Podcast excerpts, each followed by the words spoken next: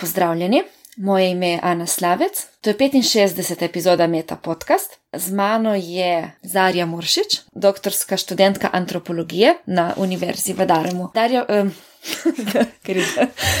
Zarja, pozdravljena. Živijo.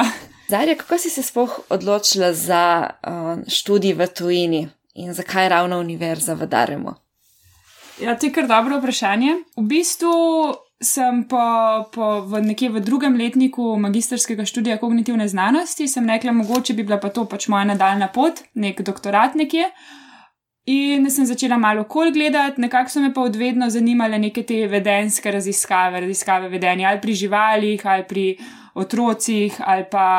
Um, no, jaz sem te dve stvari. Kaj v bistvu, v bistvu pred, pred magisterijem iz kognitivne znanosti si pa v bistvu diplomirala iz biologije? Ja, sem pa biologijo naredila in v bistvu je bila moja primarna želja iti v uh, molekularno biologijo, na kar ni bilo razpisano tega magisterija na Univerzi v Ljubljani. Takrat pa še nisem bila pripravljena iti v tujino in sem se potem odločila za kognitivno znanost in sem nekako nekak padla v to preučevanje človeškega uma in pač tudi vedenja zraven. Na enem drugem letniku sem imela možnost iti na izmenjavo na Dunaju, kjer sem v bistvu spoznala oddelek za kognitivno biologijo in smo preučevali neke jezikovne sposobnosti ljudi, oziroma v bistvu smo preučevali pri, pri ljudeh, uh, kako lahko ljudje delajo neko dvojno, dvojno nalogo hkrati. In meni je bilo v bistvu to zanimivo preučevati, oziroma neke nek eksperimente, multitasking. Ja, kako uh mhm. -huh. lahko, um, če si lahko nekaj zapomnejo hkrati in potem, če še neko motorično akcijo delajo, kako so pri tem uspešni. In mi je bilo samo zanimivo zanimivo mi je bilo, kako sem tistega doktorskega študenta spoznala in sva pač mi je on razložil, kako je prišel do raziskovalnih vprašanj, kako je dizajniral nalogo. In potem sem jaz začela razmišljati, da mogoče je pa to tudi moja nadaljna pot, nek doktorat v, v, v nekem takem področju. Predvsem vedenje, hkrati sem pa tam obiskovala tudi predmet o živalskem vedenju, ne vem, uvod v, v vedenje živali, kjer smo predvsem preučevali kognicijo živali predvsem sesalcev, pa ptičev tudi, in mi je bilo to res zanimivo, in sem potem začela malo kolbrskati. Ma tudi spoznala, v bistvu sem se z delom te moje mentorice v Daremu, Rachel Kendall, um, ki, ki mi je bilo blizu, oziroma zanimivo mi je bilo, da je v bistvu kombinirala to uh, primerjalno psihologijo, ki je primerjaš recimo vrsti, delaš uh, poskuse pri otrocih, pa potem recimo šimpanzi ali pa s kakšnimi drugimi primati in potem vidiš, kje se, kje, v katerih domenah se raz, uh, razlikujemo, pa kje smo si res podobni. In um, vedno, vedno nekako me je tudi ta antropologija oziroma evolucija človeka privlačila. Sem začela mal brskati. Vedela sem, da v Ameriki imajo te programe, kjer je antropologija v bistvu hkrati evolucijska in socialna, ne te široke, zelo, zelo široko mhm. vidijo antropologijo. In sem začela gledati, kaj je bilo to v Evropi. In so programi taki, mislim, da je nekje na Danskem, potem je bil uh, UCL v Londonu in pa Darem. Ima tudi tako del, da ima v bistvu skupaj medicinsko, socialno in evolucijsko. In sem začela brskati, naenkrat sem pač odkrila mentorco svojo, imela je ta projekt tudi tam naveden, mene je odvedno tudi zanimala znanstvena komunikacija, Ona je imela napisano, da išče koga, ki bi v bistvu delal v znanstvenem centru, nekako to znanstveno komunikacijo, pa tudi njihove, njihove preučevanja družbenega vedenja pri otrocih, družbenega učenja pri otrocih. Um, in bi nekako te dve temi, to zelo akademsko, pa zelo uporabno na nek način skombiniral. In sem jaz poslala mail, kaj jaz delam, kaj me zanima, in je bila ona tako zelo pripravljena za sodelovanje. V bistvu sem ne prehotla iti jaz samo na prakso. Na Erasmus prakso sem se že prijavila, na kar um, sem pač zaradi uh, preobsežnega študija, ker sem tudi delala magisterij iz biologije, mogla v bistvu, nis, nisem uspela iti na, na prakso, ampak se je pojavila možnost, da grem tja na doktorat in sem to kar hitro zagrabila. Se prijavila na par štipendij, dobila to slovensko odat future in se potem zelo tako na hitro, ko sem zaključila kognitivno znanost, torej svoj magisterij, septembra, v bistvu potem oktobra že preselila v Darem. Stvar, zakaj sem šla tudi tujino, no je pa še ena taka, da take zadeve sem se nekako zavedla, da v Sloveniji ne bi mogla raziskovati. No. To mi je bila tudi ena izmed glavnih stvari, drugače bi raje tukaj ostala, ampak ker je bila to res neka taka možnost, ki je pač pri nič ne bi imela, že zato, ker nimamo znanstvenega centra, recimo, ne, da bi lahko niti takih poskusov, mogoče jih dodela, pa jaz pač trenutno ne vem, no, oziroma takih stvari z, otroci, z otroki ne delamo. In je bila potem pač možnosti tja, hkrati sem pa vedela, da bom dobila to široko znanje in bila udeležena pri socialni antropologiji, kot tudi recimo ta oddelek ima tudi prav svojo veliko skupino za primatologijo, ne, kjer pač preučujejo ali vedenja. Um, primatov, oziroma tudi ekologijo. Ampak tvoja tema v doktoratu pa je um, socialno učenje otrok. A imaš v bistvu kakšno specifično starostno skupino? Ja, socialno učenje otrok, tako je bilo nekako na začetku, potem smo pa mi zelo zraven dodali tudi ta inovativnost oziroma ustvarjalnost otrok v kontekstu znanstvenega centra oziroma nekega neformalnega izobraževalnega centra. Starostno skupino, ker v bistvu v prvem letniku, ko sem veliko hodila v muzej, pa nekako neke pilotne, ne pri samo opazovanja otrok, da sem videla, s čim se igrajo, kaj, kaj jih res zanima, pa potem tudi kakšne starostne skupine pridejo, smo se odločili za v bistvu kar velik in širok nabor, tudi kar takih raziskav. Ni veliko, no, še posebej ne take, ki bi se tikale v nekem naravnem okolju spremljanja družbenega učenja pri, uh, pri otrocih, pa ustvarjalnosti. Smo se odločili za starost, imam zdaj od 4 do 11, 12, recimo, nekako, da so razporejeni. Vsi ti otroci, no, ki so sodelovali, so v, teh, v tem starostnem rangu. Imam pa kar velike vzorce, da nekako potem tudi kontroliram, oziroma je, je nek nadzor nad to starostjo, ker vemo, da pač otroci ne vem, pri Nekatere raziskave kažejo, da ko pride do nekega razreševanja problemov, so recimo otroci pri starosti 8-7 let oziroma 7-8 veliko bolj uspešni kot pa mlajši, recimo pri 4. Čeprav je res že spet odvisno, v kakšen kontekst jih postavimo, ali so zelo tako zaprti v laboratoriju oziroma pač v neki sobi, niso to neki laboratoriji, ali pa so v nekem bolj takem neformalnem, igrivem okolju. Zdaj, v dispoziciji omenjaš dve tehniki učenja, ki se uporabljata. Uh, pač nekako ponašanje, imitacija in pa emulacija. Ja. Zdaj, v čemu je razlika med imitacijo in emulacijo? Ja, recimo, imitacija bi bila, ne, to je znano, da recimo otroci, pa sploh ljudje smo v bistvu neki taki um, prekomerni imitatorji, oziroma prekomerno kopiramo druge. V nekih eksperimentih so to pokazali. Ne? Da recimo, če, neko, če, neko, celo, če moramo neko problem razrešiti, pa mi vmes, vmes ta eksperimentator pokaže temu udeležencu raziskave ali pa udeleženki neko čist nepomembno akcijo, recimo otroci kopirajo, recimo plosk, preden ne vem, odprem škatlo, ne bo otrok kopiral tudi plosk. Ampak to, to je kar logično, oziroma pričakovano, ker smo ljudje res super družabna bitja, ne? rabimo skupino, da pač, da pač um, lahko delujemo. Uh, to je recimo imitacija, ko res kopiraš vse te korake, ki jih človek pač ti pokaže. Medtem, ki emulacija bi, bi pa bila, da recimo ta končen cilj je odpreti škatlo, pa bi nekdo to škatlo na, druga, mogoče na drugačen način samo do istega cilja prišel, no? da v bistvu cilj kopira, ne ven dobi neko igračo, recimo iz škatle, ne? samo na drugačen način. Ne? Ali pa če recimo, če nekaj zgradi iz kock, lahko kopiraš vse moje akcije, recimo da imam lego kocke, da zgradim hišo, lahko pa ti na čist drugačen način prideš do iste hiše kot sem jo jaz zgradila. Če bi, če bi kopiral obe, oba načina, obe akcije, ne, kako jaz zgradim, bi bila to imitacija, če pa samo cilj, končen produkt imitiraš, je pa to v bistvu emulacija, ne, da emuliraš ta. Omenila si tudi, da nek, določene živali uporabljajo to emulacijo. Ja, recimo uh, pri šimpanzih so pokazali, da, mogoče, da, da v nekaterih primerjih ne imitirajo vsega, medtem ko do končnega cilja pa pridejo na, na isti način, kot, mislim, ne na isti način, mm -hmm. ampak ravno pridejo do enakega končnega cilja kot človek, recimo, ki je pokazal eksperimentator. Mm -hmm. In če prav razumem, naj bi bila ta emulacija tista, ki je bolj vodi do več inovativnosti. To pa ni nujno. Sploh je vprašanje socialno oziroma družbeno učenje uh, res. Um, podpira ustvarjalnost ali jo v bistvu zavira, ne? to so vse še neka taka neodgovorjena vprašanja. Res je, da recimo če znaš prideti, imitacija in emulacija, po mojem, obe sta pomembni za, za ustvarjalnost. In če znaš, če znaš pač nek problem razrešiti, a ne lahko potem, recimo, če je za to stopno še nek drug problem, lahko še drug problem potem razrešiš za njem. To so recimo v tem laboratoriju, v bistvu ta moja mentor se je to pred, pred, z doktorskimi študen, študentom pred mano v bistvu razisk, raziskovala, kjer so ugotovila, ne, da recimo otroci lahko te dvostopenske probleme potem tudi razrešijo, glik zato, ker jim nekdo drug mogoče pokaže prvo stopnjo, a ne pa nekdo drug potem lahko ugotovi, kaj je druga stopna, medtem ko pri, pri drugih primatih, no, mislim, da so imeli šimpanze, pa še, pa še nekoga drugega, pa ne bom zdaj res prepričana, katere živali so, so bile udeležene v teh poskusih, no. Pa, pa niso bili tako uspešni pri tem, da mogoče prvo stopno še še, niso pa potem gradili na, tem, na teh akcijah. Tako da je težko reči, kaj je bolj, bolj, bolj pomembno za, oziroma bolj pripomore k ustvarjalnosti, ker je tudi ustvarjalnost nek tak zelo zapleten koncept, za katerega imamo že samih definicij, praktično to, kar je bilo raziskovalcev ali pa raziskovalk, ki so preučevali ustvarjalnost, tako da um, je kar tak zelo. Um, zanimivo polje, ampak zelo tudi mogoče še nedorečeno v nekaterih primerjih. Ampak tebe v bistvu ta ustvarjalnost, inovativnost te zanimata predvsem v smislu tega znanst učenja znanstvenega mišljenja? Ja, nekako je bila to želja na začetku, pa še zmeri eno.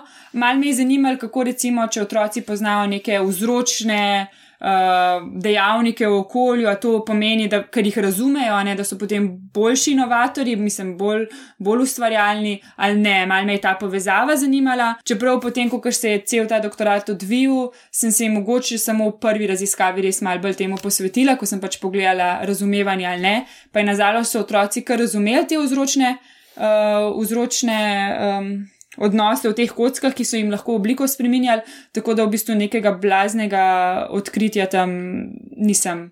Nisem zasledila. Je pa res, da tisti, pač, ki so razumeli, kako to deluje, so več teh akcij potem tudi izražali. Ne? Kar pa se ni zanimivo, ne recimo spreminjanje teh kock, o katerih govorim, kar pa se ni potem pokazali um, kot bolj ustvarjalno, no, v nekem končnem produktu, da bi bil končni produkt potem bolj ustvarjalen, ne, ki sem ga tudi na neko metodo uh, primerjala z drugimi končnimi produkti. Ni bilo tako, da nekdo, ki bi veliko kocke spremenil, pa zapleteno zgradbo postavil, ni bil bolj ustvarjalen kot nekdo drug, ki je pa mogoče malo drugačen, pa je bil vse na drug način ustvarjalen.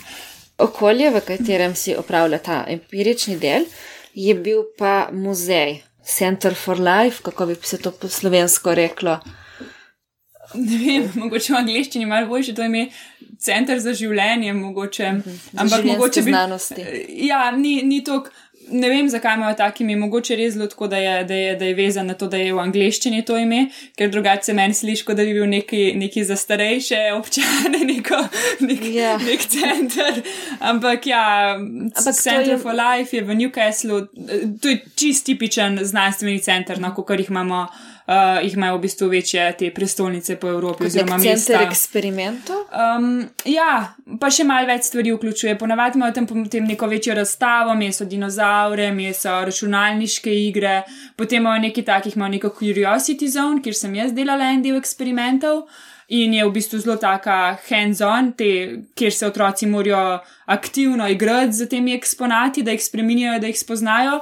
Zanimivost v tej curiosity zone, tej coni radovednosti, je to, da ni navodil. In da so v bistvu tudi to je, to je potrovalo k moji prvi raziskavi, no? da smo se vprašali, kako pa res navodila vplivajo na otroke, zato ker so starši bili tisti, ki so v bistvu zato v tej coni zahtevali navodila, v tej coni radovednosti, ki naj bi samo v bistvu krepila otroško radovednost in čudenje. So pa starši zahtevali, ja, kako pa naj se mi zdaj s temi eksponati igramo ali kaj pa ne otroku pokažemo. In najslabše je bilo recimo pri teh kockah, s katerimi sem jaz delala um, da so otroku rekli zgradi, ne vem, grad ali pa most ali pa kaj takega. Tako so res umejili tisto. Ne? Čeprav lahko zgradiš različne gradove, seveda, samo je res to umejilo otroka, da je takoj začel neko kockasto strukturo graditi. Medtem, ker recimo, če so pa samo pokazali, kako te kocke delujejo. Ali pa jih vodili v to, da so sami otroci odkrili, kako te kocke delujejo, pa je to vodilo neke mogoče bolj ustvarjalne stvari. No, to sem recimo na začetku, ko sem pilotno študijo delala, ugotovila. Medtem ko ja, potem pa še en zanimiv del tega je, ki ne vem, če pri nas je, ki je, mogoče ima hiše eksperimentov to, ali pa kakšno od teh eksperimentalnih centrov, ki so po Sloveniji, uh, imajo neko cono, kjer so v bistvu tak mini laboratorij, kjer se v bistvu otroci učijo te bolj molekularnih znanosti. Uh, kar je zanimivo, potem ima pa zdaj še to galerijo o možganjih, ki je pa tudi zelo tako interaktivna, ali da igrice igrajo. Recimo je blazno zanimiva, da so v bistvu v to cono o možganjih, pa vedenju, pa kulturi, so v bistvu dali tipične eksperimente, ki jih poznamo iz psihologije. In otroci potem v bistvu sodelujejo v teh eksperimentih, pa hkrati se naučijo, kakšni so ti eksperimenti, poskusi. Ne vem, ali kakšno pom pomnenje za to delovni spomin, recimo, ali pa za neke oblike, kako jih poimenujemo kako se učimo jezikov, spominskih teh iger je res veliko. No. Kako je potekalo z vidika te, me, kakšne metode si uporabljala pri raziskovalnem delu? Je šlo tukaj za neko opazovanje teh otrok, kaj počnejo? Ja, dobro vprašanje. Torej, jaz imam tri raziskave v svojem doktoratu in začela se je tako, da sem v bistvu v prvem letniku kar veliko hodila v muzej, pa samo opazovala otroke in si samo neke zapiske delala, da bi videla, s katerim eksponatom se več igrajo, katerega bi bilo zanimivo. Na kar smo se odločili, da bomo mi vzeli kot ta pomemben eksponat neke um, neke take kocke, ki so sestavljene iz več takih kock, lesenih kock, med sabo so povezane z vrvjo. Kot Lego kocke. Um, kocke, lesene kocke, samo pač ta oblika kocke je, um, ki pa je potem so te kocke različne, recimo do 8, od 4 do 8 so povezane z vrvjo. In ta vrv jim omogoča, ker so tudi porezane po robovih, da lahko spremenijo oblike, lahko take kačaste oblike um, naredimo iz teh kock. Mogoče, so... mogoče, če imaš kakšno sliko, bomo priložili. Ja, to bi bilo super, ja, lahko eno kakšno sliko bom, bom pa našla tega, ja, tudi teh zgradb, mogoče lahko dodamo, uh mhm. -huh. da si bo lažje predstavljati. In, um, in sem se odločila za te kocke potem, ker so v bistvu neke brezciljne, so ne nekaj izgraditi, ja, ampak kaj izgraditi je v bistvu neomejeno, lahko karkoli otrok zgradi, pri tem pa mora tudi razumeti, kako kocka deluje, če hoče nekaj bolj kompleksnega uh mhm. -huh. mogoče graditi. In smo potem mi te kocke vzeli. In sem jaz v bistvu Na začetku sem mislila, da jim bom video posnetke navodil dala, potem smo se pa odločili, da sem v bistvu kar jaz bila tista, ki sem jim dajala navodila. In sem eni skupini pokazala, kako se kocke uporablja, kako spremenjajo uh mhm. -huh. obliko. Eni skupini sem rekla, lej, tukaj imaš kocke, lahko gradiš. Tretji skupini sem pa v bistvu rekla, če lahko sami ugotovijo, kako kocke delujejo. Potem sem jaz posnela ta njihova vedenja, ko so gradili uh -huh. s mhm. kockami, vsak je dobil trikrat po dve minuti za graditi na treh različnih koncih, da sem v bistvu lahko bi tudi preučevala to njihovo divergentno mišljenje, je v bistvu, če različne stvari gradijo ali enake stvari gradijo, ne kako imajo tako grejo mm -hmm. raznoliko v bistvu to. In jaz sem jih snemala takrat, ker je bilo takrat vsa vedenja blazno težko slediti. Ne? In potem je to pomenilo, da sem drug letnik doktorata praktično preživela z računalnikom in kodirala vedenja. Zelo take, v bistvu sem imela letogram, nek tak um, zapisnik vedenj, ki jih otroci izražajo, ko gradijo s kockami, uh -huh. in sem enostavno samo štela, koliko so oni ponovili neko akcijo. Recimo, recimo, primer, ene, ene ena akcija bi bila, recimo, jaz sem jo pojmenovala shapeshifting, to je bilo, ko so prijeli kocko in spremenili obliko te kocke. Recimo, potem oblike se je dal spremenjati s tem shapeshiftingom, da se res zelo, zelo spremeni obliko, ali pa samo s twistingom, da si vrtel ti vrvi. Uh, potem, kaj sem, uh, kakšne vedenja sem še imela, to so bile te glavne, no, recimo, glavne dva. Uh mhm. -huh. Um, in potem je bilo veliko video kodiranja, potem sem pa si napisala tudi zapiske, oziroma zbrala sem slike od tega, kaj so otroci dejansko zgradili na koncu. In te slike sem potem odrasle udeležence in udeleženke prosila, če mi lahko povejo, če jim dam pare slikane, iz istega pogoja, torej otrok, ko so bili vsi v, so dobili navodila, in med različnimi pogoji sem imela pare slik, in pa samo enega posameznika ali pa posameznice slike, da bi videla to raznolikost, koliko različne stvari so gradili. Sem pa dala potem odraslim udeležencem eh, z neko aplikacijo, ki sem jo razvila, da so v bistvu mi oni rangirali um, to raznolikost teh zgradb so različne. Uh -huh. In recimo lahko bi pričakovali, da bi v nekem, kjer so otroci dobili navodila, bile mogoče zgradbe bolj različne, ker so lahko, ker so otroci poznali, kako spremenjati. Um, mhm. Obliko kocka ne? in bi mogoče to lahko vodilo do bolj raznolikih zgradb, ki jih zgradijo.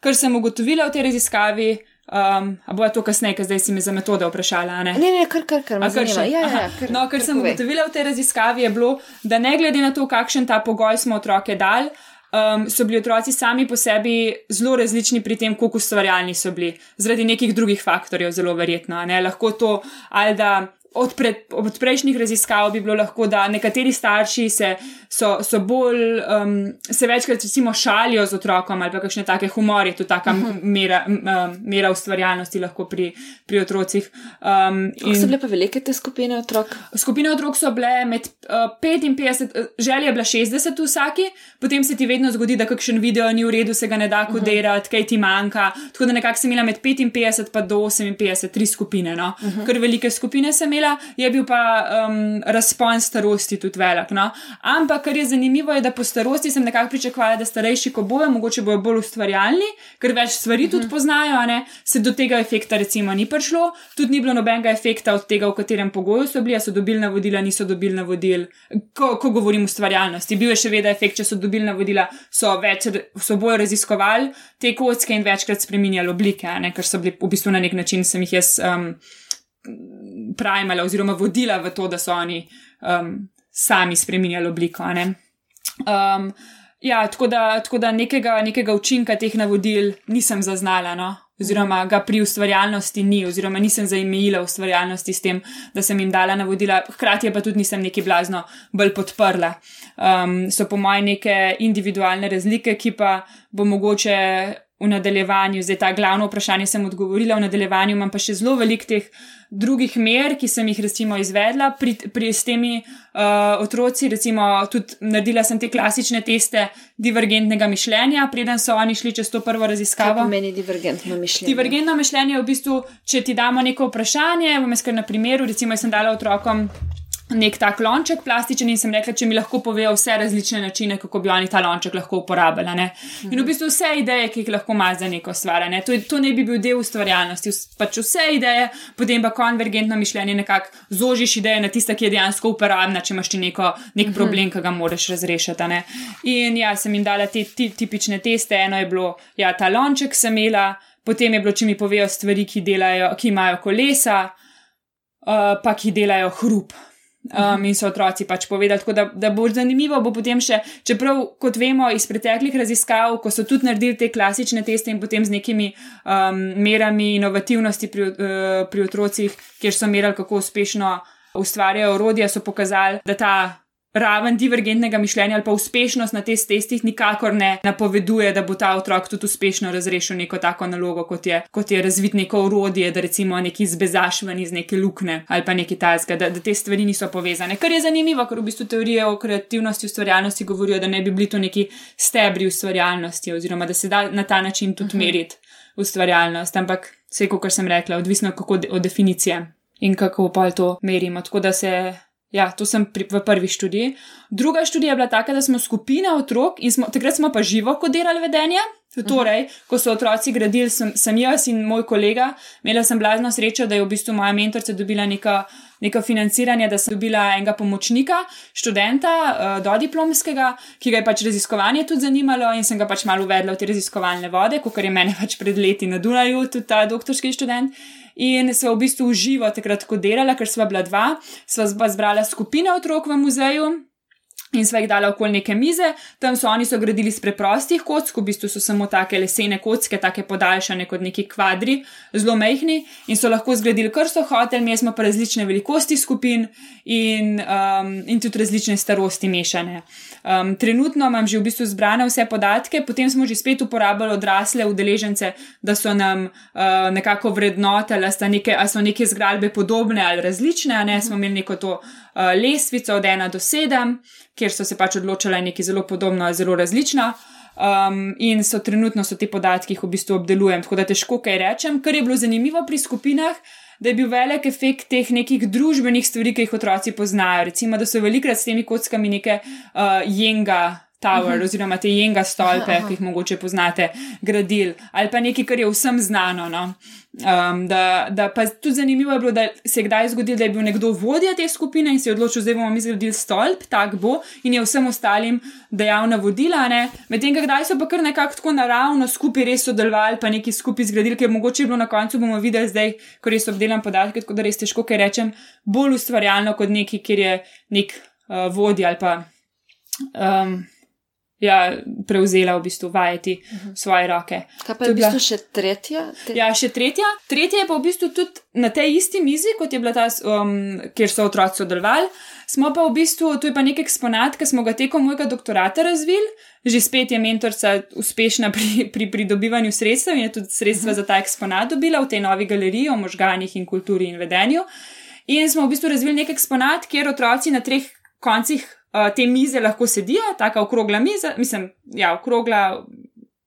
No, se vse. Bomo mogoče tudi sliko dati zraven, uh -huh. da se mhm. bo lažje predstavljati. Otroci sedijo na treh koncih, vmes imajo pa lahko ali steklo, da se lahko vidijo en drugega, ali imajo pa pač um, take temne pregrade, ja, da se ne morejo videti.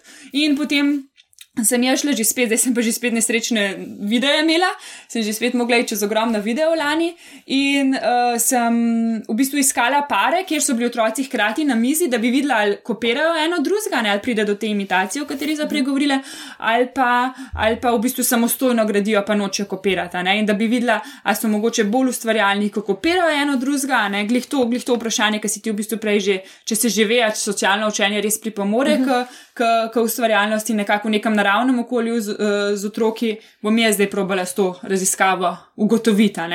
Je pa problem, da imam teh parov zelo malo. um, ko so bili otroci hkrati na mizi, uh, za mizo, no in gradil, in zdaj v bistvu urejam te pare in tudi prilagoditi moram tisto aplikacijo za, za odrasle, da lahko potem rangirajo. Ali so stvari, ki so jih zgradili, podobne ali različne. Tako da tam se mi je malo zelo milani, zelo, zelo milno, malo se je doktorat ustavil, predvsem ker sem sodelovala z muzejem in je, je vzame čas, ne, da, ljudje, da ljudje najdejo čas, da ti dajo podatke, da dobiš. Je pa to čisto avtomatizirana ta miza, podatki se sami zbirajo, tudi ta, uh, ta um, obrazec, kjer starši izpolnejo, za, da dovolijo, da otrok sodeluje v raziskavi, v bistvu na nekem tabličnem računalniku, vključenem v mizi. In potem je, mene zanimajo te pari. Ne, bojo, recimo, takrat, ko se niso mogli videti, bojo mogoče bolj ustvarjalni, ker se niso bili omejeni z nekom uh -huh. drugim, ki je gradil, a ne z nekim, ki je že mogoče zgradil hišo, pa bi potem nekdo drug že spet hišo kopiral. Ali pa, ali pa bo, bo ravno to, da bojo druge videli, spodbudili k razmišljanju, o, jaz moram pa nekaj drugega zgraditi. Ne. Recimo, blazno zanimivo je bilo, lani smo mogli potem v sklopu projekta izvesti tako um, študijo, tako, mogoče pa družboslovna, kjer smo mogli udeležence, te otroke, pa tudi odrasle, sprašvati, kaj si mislijo o tem našem eksponatu. In je bilo zelo zanimivo, ko smo rekli otrokom, da če so zaznali, da lahko druge kopirajo pri tem, ko smo mi stekli. In so otroci nam rekli, da ja, ne, se kopirati pa ni v redu, ne prepisovati pa ne mhm. smemo, oziroma na ta način. Strani... Bi, če bi delala to raziskavo v Sloveniji, mogoče bi bil rezultat. Ja, to drugače. sem že razmišljala, da mogoče pa so te kulturne razlike, da bi bilo mhm. drugače. Ja, to, se, to, se, to je mogoče tudi nadaljna kakšna raziskava raziskava v prihodnosti. Ampak zanimivo je bilo, da sami rečejo, da prepisovati pa ne smemo, po drugi strani pa, ko delamo raziskave socialnega učenja. Kjer otroci ne vejo, da gre v bistvu za kopiranje, ne, pa vseeno kopirajo prekomerno, kdaj pa kdaj, ne en drugega vedenja in to, te stvari. Kar je kar tako, da meni se zdi to kar zanimivo, se mi zdi, še, se, še kaj več se za vprašati pogovoru si omenila, da imaš mentorico Rachel Kendall. Ja, Kendall. Ja. A imaš mogoče kakšno zanimivo anegdoto, ki bi lahko povedala o njej? Ja, ena prva stvar, ki bomo omenila, jaz imam dva mentorja, no? uh -huh. in sta mož in žena, ja, Rachel in Jeremy Kendall. In ona dva imate tri otroke. In en večer, mislim, en večer, v bistvu sem že prej prosila, no, če bi lahko jaz en večer, ko sta šla ona dva na neko zabavo, um, pazila otroke. In sem jaz seveda rekla, da ja, ne, se tudi preučujemo otroke, tako da bom že tri otroke nekako imela pod nadzorom. Kar, kar je bilo čist, so, so blazno, pri, mislim, jaz sem bila presenečena, so bili zelo v redu in zelo so se lepo obnašali. Ker se je pa zgodilo, pa to, da sta pač mentorja mi rekla, da bosta doma do 12. Potem sem jaz ob 12, oziroma že kakšno minuto čez, dobila mesič, oj, a lahko pa ure dal. Sem rekla, ja, sej ni problema, ne, se v bistvu otroci že spala, ne, jaz sem v bistvu bila tam samo bolj za, za vsak slučaj. Nekar sta potem domov prišla ob dveh po noč. To je tako, to je tako, je bilo kar zabavno. Sam meni motilno, ampak je, je, je, je, je fajn videti, no, da tudi ventori, oziroma ti ljudje, ki so v tem akademskem svetu, niso taki zapečkari, ampak um, se znajo kar zabavati, no, pa, pa dolg čas zunaj ostati. Ja, zdaj v bistvu smo že v tem končnem sklopu vprašanj.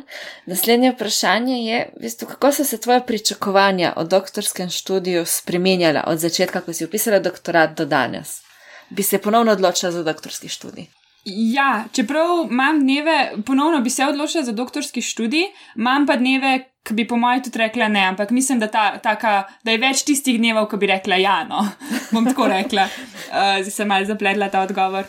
Um, potem pa, kako so se pa spremenile, to sva pa glih. Um, To, kar sem na začetku govorila, ker še nismo začeli snemati, mm. predvsem to, da, da sem se naučila, da je v bistvu doktorski študij nek tak učni proces. Da, saj moje dva mentorja sta od mene želita in sta želela, da se jaz sama naučim veliko. No? Na napakah. Da, na mojih napakah. Ja. Čeprav sta kdaj mogoče kaj rekla, pa jaz nisem ju čisto poslušala, mogoče tudi, ali pa sem ju, ampak predvsem, da sem se naučila tak trial and error nekaj, uh, učenje. Je bilo, ja, ko pač narediš napako in se naučiš za drugič. Uh, predvsem 180 otrok video, 180, 10 minutni video 180 otrok ni zabavno kodirati, no, ti vzame preveč časa, mogoče v to še enkrat ne bi šla. Je bila pa dobra šola in imam tudi mogoče potem malo bolj kvalitetne podatke, ker imam tako uh, velike vzorce. Um, pričakovanja, predvsem to, mogoče, da sem bila jaz. V tem, ker sem delala kognitivno znanost, čeprav tam sem imela svojo magistersko, ki je bila res moja tema, uh, mogoče na biologiji, potem sem imela, sem že spet sodelovala z enim doktorskim študentom. Mm, da nisem bila tako pripravljena na to, da bo to res moja raziskava, da, da pač jaz moram postati poznavalka tega področja strokovnjaka. Da sem to mogoče res sprejela še le kakšen pol leta prepozno, no, ko sem ležela v doktoratu. Ne, recimo, ampak zdaj, zdaj, zdaj vem to in sem se recimo to naučila. No. To je bilo mogoče malo drugačno pričakovanje, da mogoče bojo pa oni mene več vodili, več mi rekli, jo, lej, tega še ne vemo, to ti razišči, zato te imamo tukaj, uh -huh. ne, da sem mogoče bila bolj tako.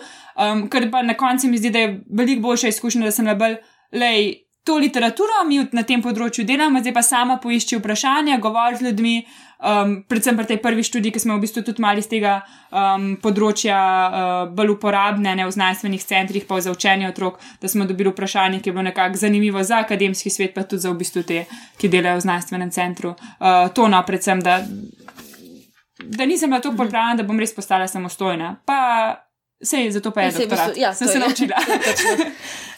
okay, zdaj, na podlagi zdaj, tega znanja, ki si ga pridobila, vem, z, tako, tako s to izkušnjo v tujini, kot že v bistvu samim področjem raziskovanja tega učenja, če bi imela priliko, da bi šla na kavo s predsednikom vlade, kaj bi mu predlagala, da spremeni na področju znanosti oziroma širše izobraževanja v Sloveniji?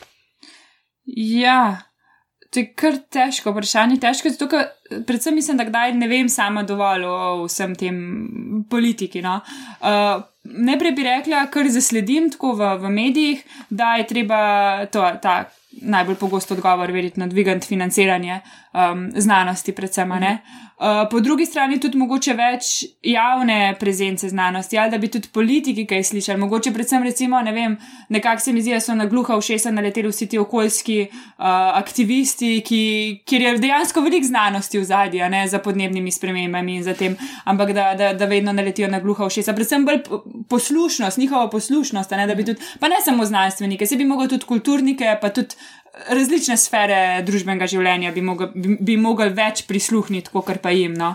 predvsem uh, manj te irog. Um, Arogance, ali kako bi se temu rekli. No?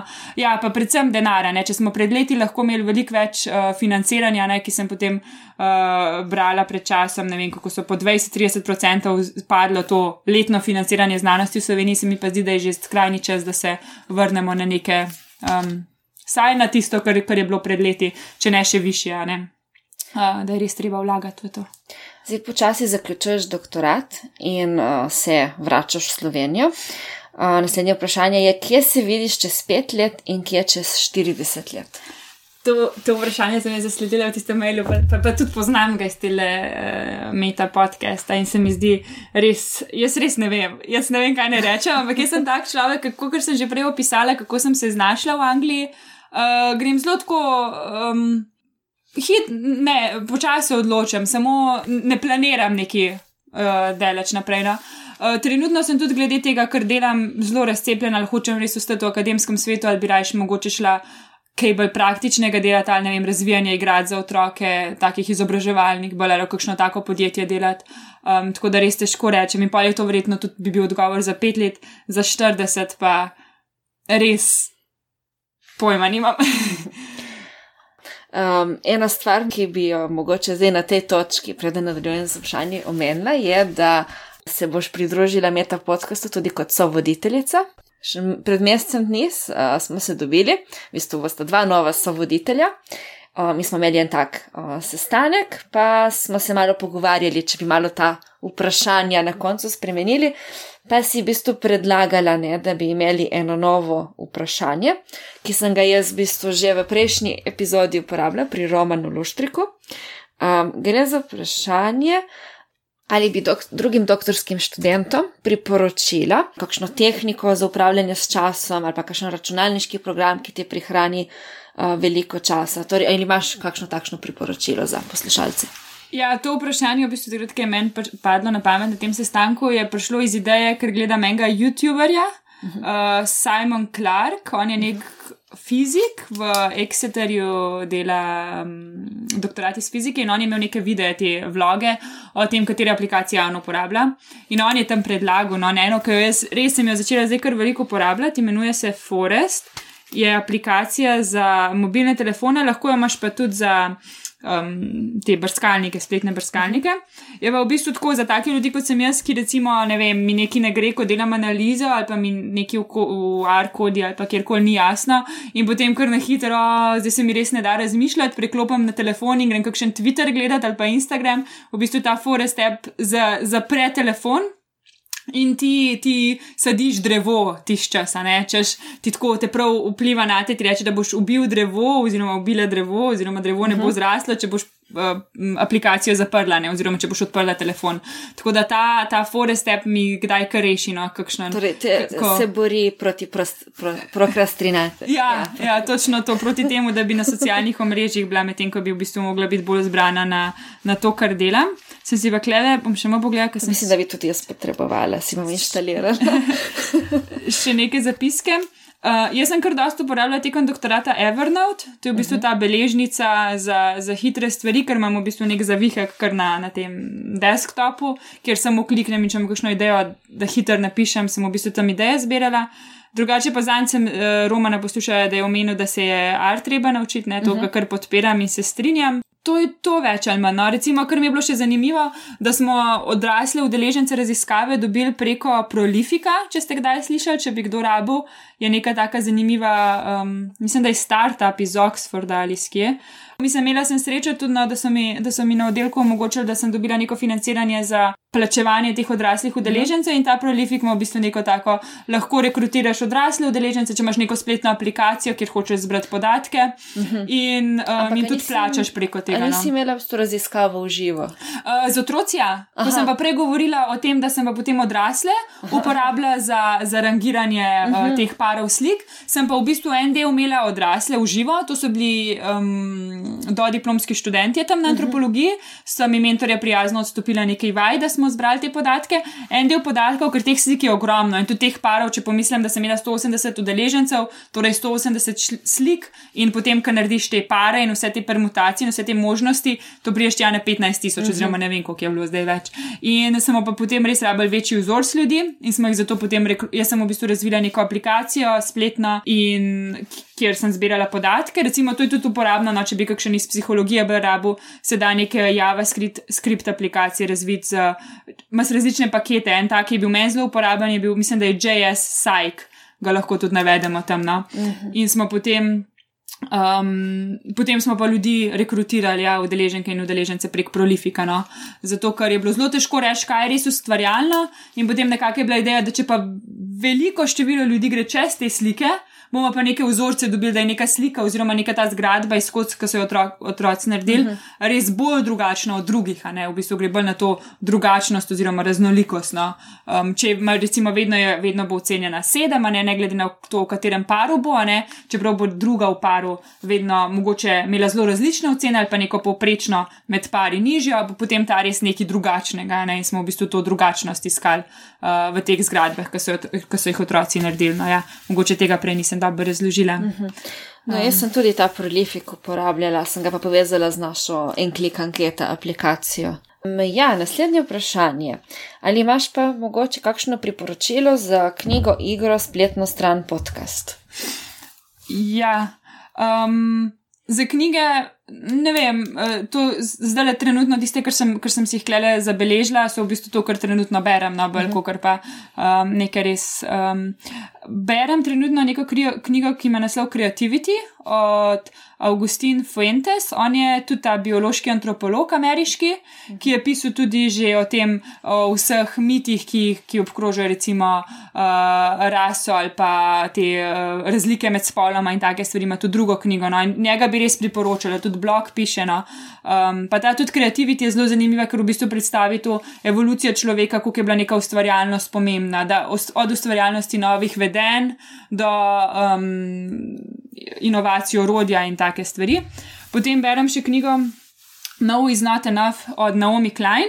Ona je um, kaj, politična novinarka, kako bi rekla, američanka oziroma kanačanka, aktivistka, aktivistka ja. Ja, kjer v bistvu v tej knjigi ona predstavlja, kako se nam je Trump zgodil, oziroma kako se je američanom Trump zgodil in izhaja tudi iz svojih prejšnjih knjig. In se mi zdi tako zelo brljiva knjiga, pa kar zanimiva no, za neko tako širšo um, znanje o ameriški politiki. Um, potem leposlovje, klej sem si zabeležila, ki ga trenutno niti ne berem Ampak Patrik Nes mi je tak zelo všečen avtor, no, uh, mislim, da je nekaj tudi v slovenščino prevedenega, je pa bolj tako, um, tudi bolj take teme in spoznavanja o odraščanju in o, o otrocih ima, no. Okay. More than this, mislim, da je ena knjiga, ki sem jo pred leti prebrala, pa kaj bi potem še rekla. Ena, ena zanimiva iz, iz, iz, iz Kickstarterja, Fieldwork Fail, ki je tu taka bolj znanstvena. Aha, to je tudi glih, knjiga. In sem jo glih nedavno dobila ja, um, prek pošte. In je tako smešna, v bistvu, pri, p, glih opisuje vse te biologe, večinoma biologinje ali pa tudi druge, no, ki grejo na neke ekspedicije oziroma na neke ta eh, terensko delo in potem se, ne vem, zalepijo svoje prste, ko hočejo nek, nek senzor dati krokodilu na krokodila in take podobne zanimive, taka bolj striperska, eh, stripi narejena knjiga, no. Uh, pa bom kle kar končala, mogoče s knjigami. Glede filmov sem razmišljala tudi malo bolj v stilu tega mojega doktorata, ne glede doktorata, no teme, ampak kjer sem živela v Darem, v Darem je to mesto na severu Anglije in je tik pod Newcastlom in lani je, mislim, da je lani ta film I. Daniel Blake uh, išel, jaz Daniel Blake. Uh -huh. Um, kjer se dogaja v Newcastlu, no, in je kar zanimiv tako opis tega um, videti. Um, družbene skupine oziroma revščino tam, no, razmere v Angliji. Um, spletno stran imam Nautilus naveden. Uh, to je neka taka, v bistvu je revija, um, kjer o znanosti pišejo, um, pa o vseh različnih, tudi filozofiji, zelo tako široka, zanimive teme imajo vedno. Evo pa še zadnja, mislim, da so podcasti, ki sem si jih nekaj zabeležila. Ena zanimiva je, je podcast z naslovom tudi od ene biološke antropologinje Kate Clancy, Period. Bogovarja menstruacijo predstavi v bistvu na zelo različne načine. No? In sem jo zdela lani, sem jo poslušala, zelo tako zanimiva. Od te kulturnega vidika do, do, do zelo biološkega. Samo o tej temi. Samo o tej temi, ja. Wow. Ampak je res, je fuj zanimivo, ker se mi zdi, da mogoče kdaj se počutimo, da je tabuizirana tema ali pa da se uh -huh. ne mhm. govori veliko. In ona je res tako iz znanstvenega vidika govori in o tej socialni antropologiji, pa recimo kako ne vemo, kakšnih, um, pri kakšnih ljudeh, ne vem, kaj, kako, kako grejo dekleta čez to, no, ženske čez to. Potem govori tudi zelo o tem biološkem. Um, Na biološki strani pogovarja se tudi ena, ena zanimiva, bila pogovarjala se z otroki in je njih sprašvala, recimo, deklice, um, kdaj, kako so, koliko poznajo te stvari. Pa mislim, da je tudi dečke imela v tisti debati, tisti je bilo tudi zanimivo. No. Potem ena taka, ki je pa potem naslednji podcast, je Invisibilia, um, ki tudi govori tako psihologijo ima pa take stvari, no, mhm. je kar zanimiva. Radio Labs, full poslu, mislim, vedno poslušam, no, tam je res, tako, po mojem, najljubši še zmeri podcast. Drugač pa še en športen, mogoče, ki je pa od ESPN, pa 30 for 30, ki sem pa zadnje čase začela poslušati, ker pa predstavijo v bistvu neke športne dogodke ali pa neke športne stvari, ampak povežejo ali z oglaševanjem ali z nekimi drugimi stvarmi tudi. No? In se mi zdi tako blazno zanimivo, kako je lahko šport upet v, v zelo različne sfere življenja. No? Ok, ima vas samo še zadnje vprašanje. Torej, če ne bi bilo nobenih omejitev, ko že gremo. Koga od nam znanih? In točno to, ja. Koga od nam znanih ali neznanih bi povabila na večerjo, če ne bi bilo nobenih omejitev. Zdaj, to je kar nehvaležno vprašanje, še posebej zato, ker sem jaz po mojem bi bila totalno sramežljiva na neki večerji z nekom, ki ga ne poznam, tako da bi težko sploh karkoli ubesedla ali pa povedala. Um, pa sem tudi o tem razmišljala, pa bo po mojem že spet zelo tak trenuten odgovor, ki ne vem pa, če bo zavedno držal. Jaz ful rada glasbo poslušam, no, že od vedno in ena avtorica mi je res pri srcu, Courtney Barnett, avstralka, ki mi tudi piše pač ta njena proza oziroma besedila, ki jih ima, so mi tako zelo na kožo pisana in se vidim v njih. In ne vem, če bi šla glih na večerjo z njo, no, Mogoče bi zraven v bistvu še koga, ja, na privatni koncert, mogoče bi zraven še koga, ona ima tudi svojo založbo, Milk Records, da bi še kar te ljudi iz te založbe ali pa njeno partnerko zraven povabila uh, in da bi šli skupaj, ali pa da recimo, ful bi mi bilo, to bi mi bilo dobro, da bi bila lahko so udeležena pri tem ustvarjalnem procesu, od da bi videla res, kje se njej utrnejo te ideje za njena besedila, pa tudi za glasbo, ne, ali pa recimo pri posnemanju, pri snemanju kakšnega tega albuma. Pri večerji bi pa po moje jaz res uh, oplela zaradi strahu in, in, in, in bi se v zemljo udrla, kako se reče. No, si pa v bistvu vse preživela za ta pogovor, ta intervju. Uh, Zarja, najlepša hvala za pogovor. Hvala za povabilo. Poslušali ste oddajo Meta Podcast, v kateri se pogovarjamo z mladimi znanstveniki in znanstvenicami iz različnih področji znanosti. Podcast domuje na spletišču metinalista.si, kjer najdete tudi druge zanimive znanstvene vsebine. Naše delo lahko podprete z donacijo Metini listi. Zahvalo boste dobili izvod knjige Zanimiva, navdihujoča, uporabna. Pohvale, pripombe in predloge lahko posredujete po e-mailu znanost.afnametinalista.si. Dobrodošli so tudi komentarji na Facebook profilu Metina Liste in na Twitterju afnametinalista, kjer uporabite hashtag metapodcast. Se slišimo čez 14 dni.